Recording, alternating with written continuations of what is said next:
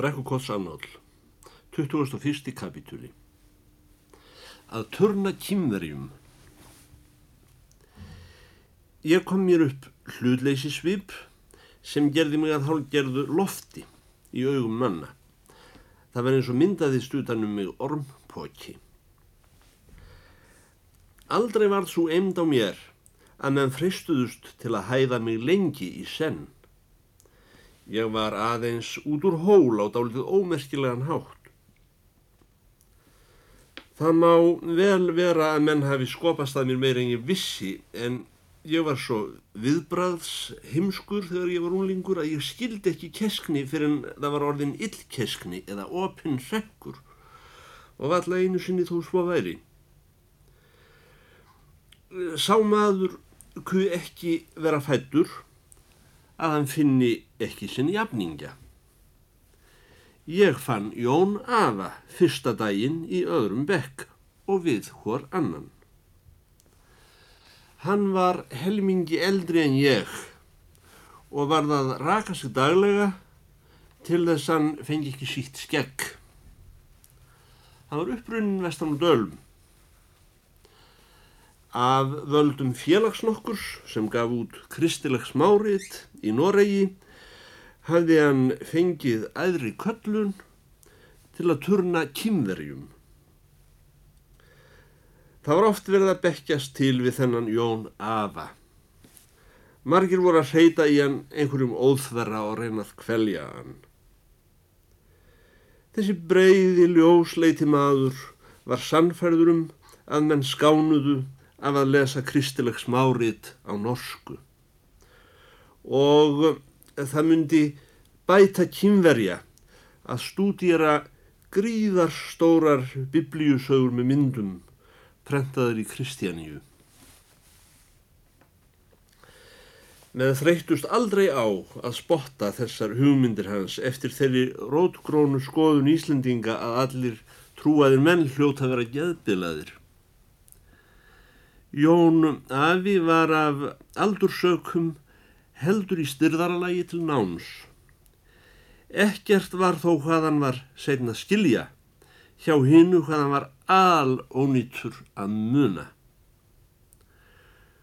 Honum þótti latína skringileg og þarflaus uppáfinning.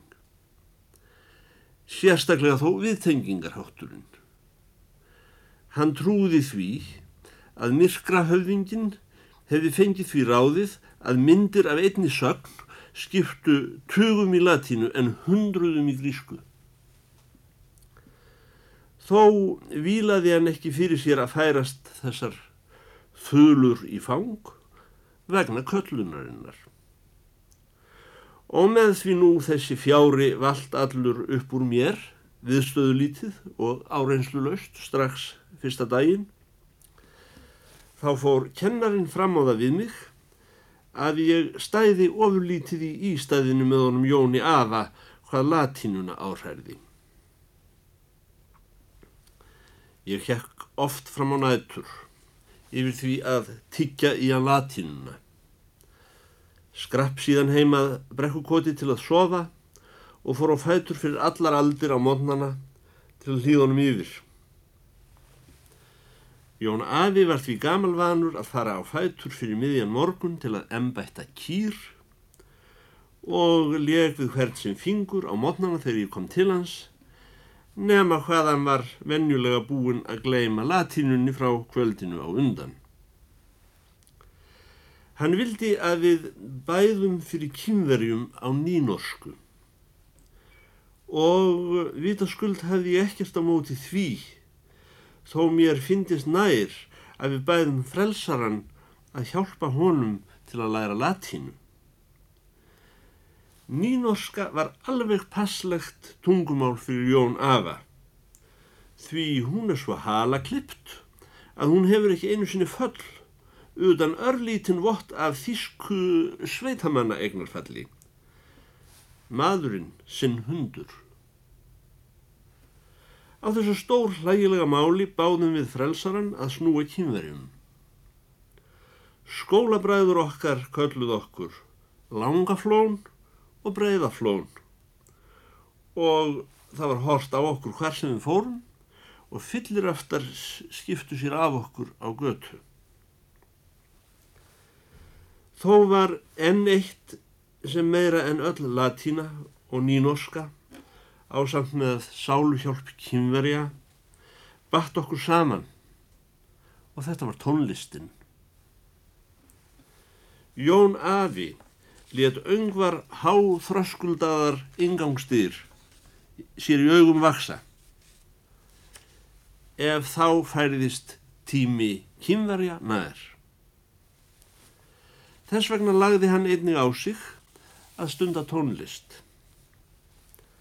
Hann hafði einhvern veginn komist yfir lítið stofu orgel og var að reyna að glamra á það en gekk heldur illa og kendi það því að tangjenturnar á því væru of mjóar. Honum þótti reyndar ekki mikið varið í tónlist. En hann hafði heyrt að þegar væri verið að segja kynverjum til í biblíusögum þá yrði að spila á orgel um leið. Seinast ákvað hann að leita sér tilsagnar í orgelspili. Þetta var á því æfiskeiði mínu þegar allur söngur virtist hafa dáið út fyrir mér. Ég vissi aldrei hvaða hljóð kynnu að koma upp úr mér ef ég opnaði munnin. Ég var hættur að heyra þann söng sem fyllt hafði loftið í kringum mig áður fyrr. Ég let við það sitja að lesa fréttinnar sem bárust með dagblöðunum af ólinnandi söngfræð Garðars Holms utan úr löndum. Nú var sagt að veri sestur að í greiða höll. Stúlka á dönskum búningi nefnur staðar hínum eigin og göttunni til að horfa á okkur. Fáu vorum við Jón jafn frábytni sem því að skipta okkur af kvennmönnum.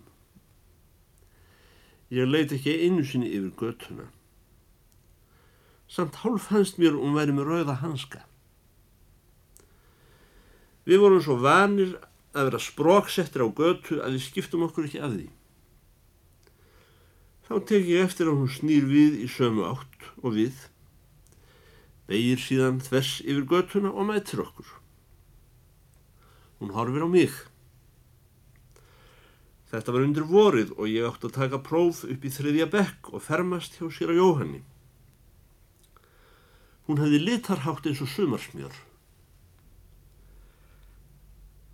Hans skarnir voru rauðir eins og maður hefði grunað, og með kauri. Mér fannst ég kannast við hana. Sá ég rétt? Þekkir þú mig ekki, spurði hún. Nei, saði ég. Af hverju þú mig ekki? Takktu ofan, saði Jón Afi. Til hvers, saði ég. Ertu svona mikil dóni, spurði hún. Þegar ég fór að skoða hana betur sá ég að hún var valla kvennmaðunum á nafninu þó hún væri komin með þessa rauðu hanska. Kanski ekki nema eins og tveimur árum eldri en ég. Akkur kemur aldrei kort frá honum Garðari Holm, spurði hún. Hvernig kort, saði ég. Hvaða asnertu, saði hún, og hvaða asner með þér? Akkur er ég að skipta þér á okkur, saði ég. Segðu mér alveg eins og er. Og það dró niður í henni og hún kom nær mér. Var það ekki alveg áriðanlega gullpenningur? Jú, sagði ég. Auðvitað var það gullpenningur. Jésús, hvað ég feina að heyra þig segja það, sagði hún. Pappi segir að það hefði verið pjátur. Hvað veit hann um það, sagði ég. Hún sagði, já það er einnig það sem ég segi. Þakka þér fyrir. Ég sé þú ert komin í skóla. Hvað ætlar að verða? Grásleppukall, sagði ég. Hvernig ætlar hægt að láta eins og asni, sagði hún. Nokkru síðar segi ég við Jón Afa, Hyrðu Jón, mjög farið að langa læra á orgel. Ekki vil ég ráða nokkru manni til þess, sagði Jón. Það er bæði leiðinleg og lítilfjörleg íþrótt. Aldrei myndi ég hafa lagt út í slíkt eða verið ekki nöðsynlegt í Kína. Tónlist hefur ekki verið mentagrein á Íslandi síðan á miðöldum. Heldur hafð fyrir hervillu og aflægis hátt. Engum í mentastjett. Þanga til Garðar Holm gerði Ísland frækt af tónlist út í heimi. Þá fóru ímsir að hugsa sig betur um. Lengi enn held þó söngfræð áfram að vera kynjamenska fyrir almenningi. Þannig var hérumbil óhugsandi í mínu ungdæmi að menn legðu á sig þau leiðindi sem fylgja tónlist nema í sáluhjálparskyni. Tónlist var góð ef átt að koma fólki í jörðina. Mest var ég hissa að forsöngvarinn í domkirkjunni skildi kannast við mig þegar ég kom að læra á orgel hjá honum í fylld Jóns Afa. Hann sagði Varst það ekki þú sem hann sér að Jóhann leiti stundum við hönd sér upp í kirkjugarð og létt syngja? Aldrei nema við smá jarðarfæri, sagði ég, afsakandi. E, því ég vissi að forsöngvarinn sjálfur hafði veg og vanda af stór útförum. Það er sama ég þekkið fyrir því, saði forsöngvarinn. Þú ert eitthvað skildur honum garðar í okkar hólm. Ætlar þú kannski að spila fyrir soldánin í Álfgirsborg? Ætlar fyrir þá í Kína eins og að Jón vinur okkar. Í fyrsta sinni kynntist ég fyrirtæki af því tægi sem kallast mannabústæðir eftir skilningi sem gilt hefur í parti af heiminum hérna megin við árið þúsund. Borðstofa og betri stofa og ekki eldhús, heldur kokkhús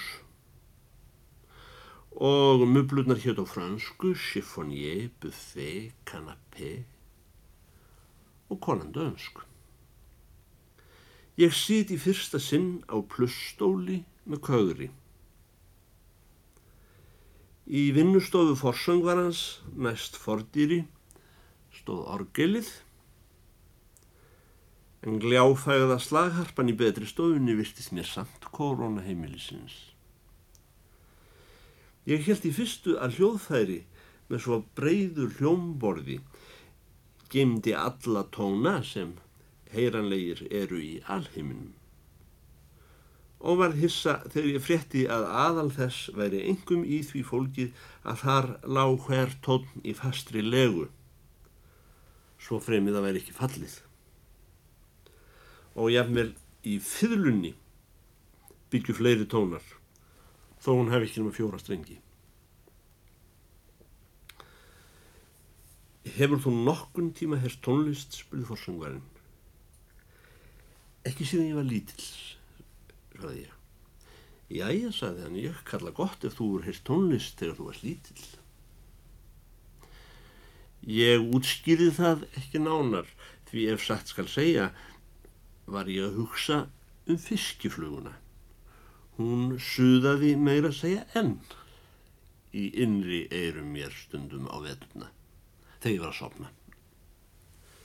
Blær, kallaði hann fram, sestu hljóðfærið Í dýrónum byrtist sín sem gerði mig orðlausan lengi síðan. Geistlar loftsins hafa sapnast í depil og þar stendur þessi ummyndun. Sólinn skín út og inn um hárið á henni. Hún horfir á mig augum þar sem saman kemur blátt og grænt. Síðan sest hún hljóðfærið. Ég kemdi við ekki lengur nákvæmlega fyrir mig hvað hún leik en einhvern veginn finnst mér það hefði verið eitthvað eftir gaði eða lumbu eða var það hartmann. Kanski var það bara snöðdroppin. Leik hún vel? Hún hefði stórar bláar hendur. Ég set þær efstar handa. Hreyfingin í kroppi hennar var skild hægfara sporðaköstum hrottjelsa og sálin í andlitinu á henni hafði ángan af jarðarberi. Sjaldan hefur nokkur maður hlustað af jafn andaktugu sálarleysi á spilverk. Þetta mætti vera lífið sjálft og endast jafn lengi og lægið var ég að óska og vona. Síðan að lægið á enda. Hún stóð upp og brosti. Henni hefði hittnað í augum við leikin og róði færst í kynnanar. Mér hálf sortnaði fyrir augum eins og það ætlaði að líða yfir mig. En þegar hún hefði virt mig fyrir sér, hætti hún að brosa. Síðan gekk hún út. Mér fannst henni hefði ekki þótt tilvinnandi að leika fyrir slíkan mann.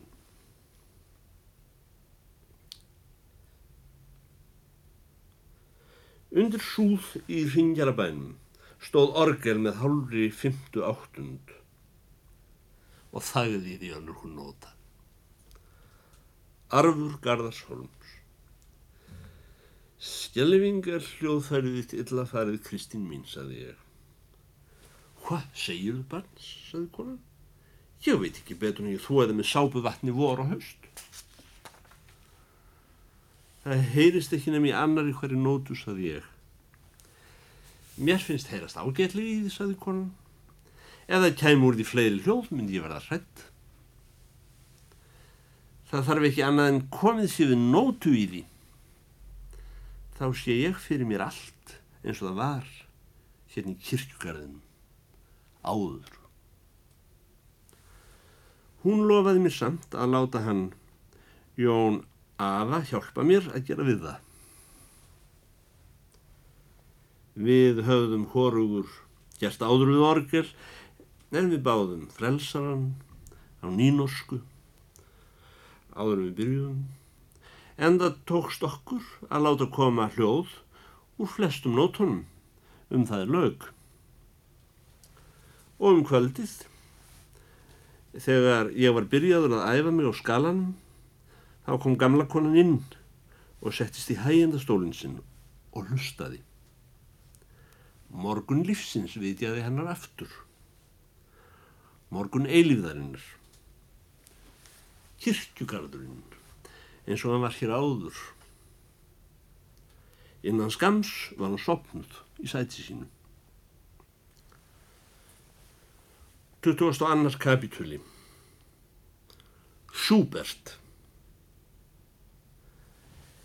Ég kom vikulega eða oftar að sækja tilsögn hjá þessum tóginleita móega góðvilja manni með barka kýlið stóra. Þar bjó mjúki bassin sem ég hafði stundum hirt títra í gólunni og var núr kirkjugarði þegar ég var lítill. Og það var skarð í flippan fyrir barkakílinu eins og myndum á dönskum tónskáldum. Og konan hans góða gaf mér kaffi með brauði og osti.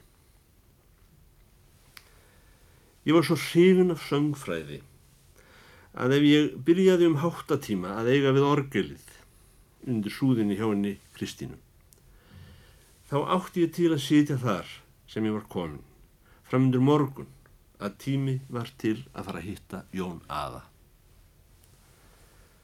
Forsengvarinn saði mér til á formlausan hátt óskildan söngkjænslu. Það var eins og framlenging á skrafi um daginn og veginn. Eða að við hefðum farið að skemmt okkur að mennrausri dagra dvöla því við vorum ekki vant við bundnir. Aldrei var þess vart að þeim tónlistarmanni sem þá var helstur á Íslandi tækti tíma sínum illa varið að vera að æfa þennan druss í skalanum. Í einu áttum við sammerkt, mestari og lærisvein. Hórugur myndist á kjænslu gjald. Ég gerði mér þess ekki grein fyrir mörgum árum setna að tími þess skáls okkar sem einn kunni að yrkja í tónum í þann tíð og var auk þess domkirkjuorganistinn um, væri reiknanlegur til fjár. Enda hefur eftir tilvill ekki verið svo. Eins og þetta sólarhús var nú fyrir utan mig, þá dróða mig samt svo til sín að latínuskólinn hvarf í rökkurmóðu, þó ég væri í honum. Fyrir tónlistinni bliknuðu flestir aðri hlutir. Ég hefði helst viljað koma í húsið á hverjum degi. Þau kynlegu tilbröð gerðust stundum sent á kvöldin að ég var allt í einu staðin upp frá leksjum mínum án þess það læju til beinar ástæður og farin út. Ég vissi ekki fyrir en ég stóð fyrir framann rauðmálað í árnklætt timburhús með hvítri umgerð kringum gluggana. Eða var sestur á grótvekk hjá kvoti þar skáhald anspennis og farin að einblýna á rúðunar. Stundum mátti heyra úr húsinu hljóðferðarslátt og söng. Fyrir kom að skugga sem ég held vera af stúlku bæri fyrir á gluggatjaldinu. Þó ég sé allur af viljagerður að taka ekki of djúpt í árinni. Þá er ég ekkit að hugla það að ekki hafa aðrir fyrirburðir haft öllu meiri áhrif á mig. Mér fannst fyrst að hjartaði minna mér staðar. Síðan fór það að berjast um. Því næst tók ég til fót hanna eins og þjóður og stökk í hvarf. Næturverðinir horfðu vægast sagt mjög einkennlega á mig. Ég var erfitt með að hugsa mér að nokkur þjóður hafi fengið harðari ávítur af samvisku sinni en ég að það var stólið þessum skugga með augunum. Stundum fannst mér eins og það eitt geti bjargað mér að þetta hefði verið skuggi af öðrum manni. Ég fann æfinlega á mér hvort hún var í húsinu eða ekki. Mér leið alltaf betur þegar ég sá að kápan hennar hjekk ekki í fordirinu. Ef ég skinniði af einhverjum döðum hljóðum návist hennar í húsinu, svo sem braki í stígum, hurðaskellum upp á lofti eða sérstökum umgangi í kokkhúsinu, þá fór ég að verða annars hugar. Mér fippaðist og fór ég afnvel að hugsa hvort ég væri ekki í ofstórum stígvélum. Hvað er að? spurði forsungvarinn hefur það nú eftir vakað fram úr til þess að byrja fyrir kymverjum með Jóni. Ef ég var svo heppin að hún skildi ekki vera heima heilan tíma, þá saði forsöngvarinn. Ég held þú gætir vel læst á hljóðfæri. Meðal annar orða, hvað er þetta hugsa um að verða þegar þú hefur lótið skóla? Ég sagðist lengi hafi verið að hugsa um að leggja fyrir mig fiskveðar. Þó kunni ég ekki við að nefna grásleppu sérstaklega. Annars sagðist ég enn ekki vera staðráðin í neinu.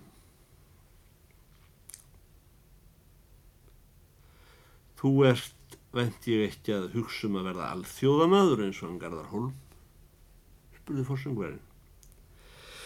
Ekki veit ég nú það, saði ég og, og fór að hugsa.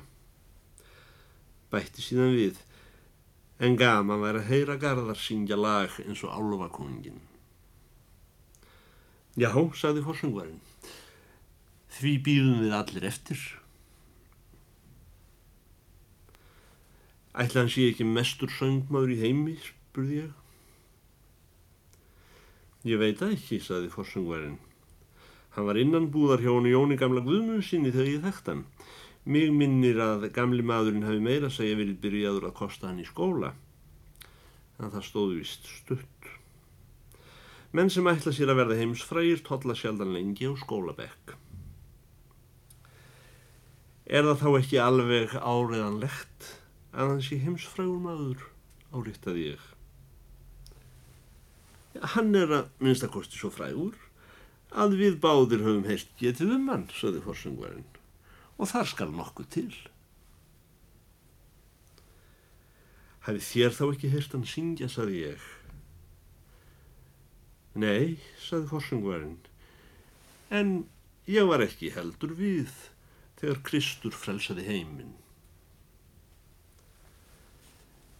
Ég mun hafa orðið meirinn lítið humsa að hafa nú loks í forsöngvara þessum hitt þann mann fyrir sem einn utan krosslýðsins í brekkukoti virtist ótilbær að hveða upp úr um sanna fræð og ágæti Garðars Holms söngvara. Ég man ekki til, svo langt sem bók þessi nær, að ég hefi nokkun tíma endra nær fært nágranna minn fornan í ringjarabænum í talið menn. Hann sem margir menn kolluðu frænda minn, hann sem sagði sjálfur hafi verið sendur út að kaupa pípar fyrir þrjá öðra eins og ég. Hef ég sagt frá því að forsöngvarinn lánaði mér oft nótnabækur með æfingum. Einu sinni slætist meðal þeirra alvöru tónlist. Það voru laugin eftir Schubert og upp úr þessari bók hafði ég lært álvakongin. Ég fór að blada í þessu hefti á orgelkorninu í ringjarabænum og komst fljóðlega raunum að þetta var handa þeim sem lengra eru komnir. Einsöngur við undirleik á samt hveðskap á þýsku. Ég fór nú samt að rýna í þetta og þar sem ég var ralllaus um þessan myndir var ég að feta mig eftir læginum með fingrónum. Með því nú latína hafi komið á undan þýsku hjá mér, þurfti ég að fletta upp öðru hverju orði til að skilja hvaðin. Hið einkennilega hlutafélag sem orrt hefur handa Schubert vakti í senn undrun mína og forvitni á svo gaggerðanhátt að ég á erfitt að hugsa mér þá dvergþjóð í frumskóum Afríku er getið orðið jafn hlessa. Vítaskuld réð ég ekki við undirleikin nema á stöku stað en það hljóðfærið ekki til þess fallið. En þar voru þeir samhljómar er tóku mig eftir minnilegu tæki. Hveðandi vass og vinds oft í samfylgd einhvers konar trumbu. Slíkur varum skeið undirleikur daga minna. Það var ólítið æfintýr að lenda á miðjum uppvakstar árum í hjartastað tilfinninga dýrðarinnar þísku. Annan mál er það að sá járn ægi í tali sem týðkaður var í brekkukoti hjælt áfram að hafa betur hjá mér. Orðsnild hins þíska hlutafélags var verðlaus kaupeyri hjá okkur. Í brekkukoti voru orðin of dýr til þess að nota þau af því þau þýttu eitthvað.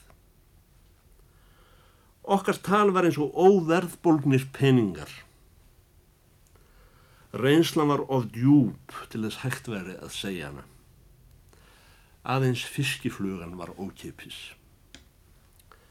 Hinn solni, þíski hveðskapur saði mér í rauninni fátt og stundum ekki neitt. Ég var bara hissa. En tón sagði mér margt ef hann stóð rétt af sér við aðra tóna og stundum allt. Ja, spannen úr den Bogen mich zu töten, du himmlisch Weib. Ef menn aðhyllast á kenningu, að orð séu sögð til að leina hugsun, að orð þýði eitthvað allt annað stundum jáfnvel þver öfugt við það sem þau lýsa Þá er hægt, að minnstu kosti stundum, að sætta sig við þau og fyrirgefa skáldinu. Ég tala nú ekki um ef orðin hafa það hlutverk í öllum fáránleik sínum að benda í átt til sannleikans í tónlistinni. Maður neyðist þá til að viðurkenna þau að einhverju leiti tónlistarinnar vegna. Einhvern dag, þegar nærleið vori, kem ég sem oftar að láta forsangvaran hlýða mér yfir. Eins og svo oft áður þegar ég var að klöngrast upp út í dýraþrepin á húsinu. Mun ég hafa farið að hugsa um hvort ég væri í raun og veru á réttum stíðvélum. Nefna hvað sem því líður. Þá hef ég ekki fyrir dreipð á dýr en hurð er upplokið og blær stendur á þröskuldinu. Ég ætla ekki að bera mig að lýsa þessum hvernmanni. Það kemur ekki málunni við hvernig hún leit út en það er ég laungu búin að gleyma því. Útlit hennar var í rauninni jafn fjarið því að segja um hana sannleikan eins og orð mundu vera. Í mínum augum var hún ekki aðeins milnustúlkan fagra og fiskimærin og smámeganda apra í trjálundinum, veiðvíkið í hann ævarreiða og meinunnan. Hún var einnig sílungurinn og linditreð söngurinn á vatninu og litan í hann. Í sem stystumáli Schubert. Hún horfir á mig. Pappi er ekki heima, segir hún. Hann bað mig að taka yður í tíma. Ég sagði ekki neitt. Ég stóð kjur á þröskuldinu. Hún held áfram að horfa á mig. Mér sortnaði fyrir augum. Komið þess að hún. Tókum höndin á mér þegar ég held áfram að standa kjur. Hún leiti mig inn og let mig setjast fyrir framann hljóðfærið. Mér fannst vera að líða upp af mér og eftir vil dó ég að nokkru leiti eða réttar að sagt byrjaði að deyja á þann hátt sem brestum slær í púpuna í vetralokk. En því miður dó ég ekki það rækilega að ég öðlaðist sama líf og fyririldin. Hvað áttu þér að æfa, saði hún. Ég maður ekki, saði ég. Hún opnaði skólan og saði, spil þér þá eitthvað sem við erum búin að æfa. Ég hef búin að gleima því, saði ég. Spil þér þá bara skalan, saði hún, Þið eru þó ekki búin að gleyma honum. Jú, saði ég. Ég er búin að gleyma skalan. Það getur ekki verið, sagði hún. Skalan getur engin maður glemt því það er bara tóna En mér var leiður særi, ég myndi ekki einu sinni tóna röðin lengur. Þá fór hún hlæja. Ég stóð upp frá hljóðfærinu og gekk til dýra. Ég gekk yfir stóðugólfið á stífvílónum mínum með naglbítin í vasanum og hárviskina sem stóð bent upp í loftið og hún horfið á eftir mér. Ég kom þar aldrei framar. Ég hætti að læra orgel. Vorið fór í hönd. Ég mun bæði hafi verið fermdur og tekið próf. Jón Afi fór vestur í dali. Ég þorði ekki einu sinn láta sjá mig nánd við húsið. Valla ég til því að líta ángað. Kanski ætti ég að stelast ángað einhverja nótt þegar afturfæra dimma var mér stundum hugsað. En þá duttu mér í hug Night Trooper.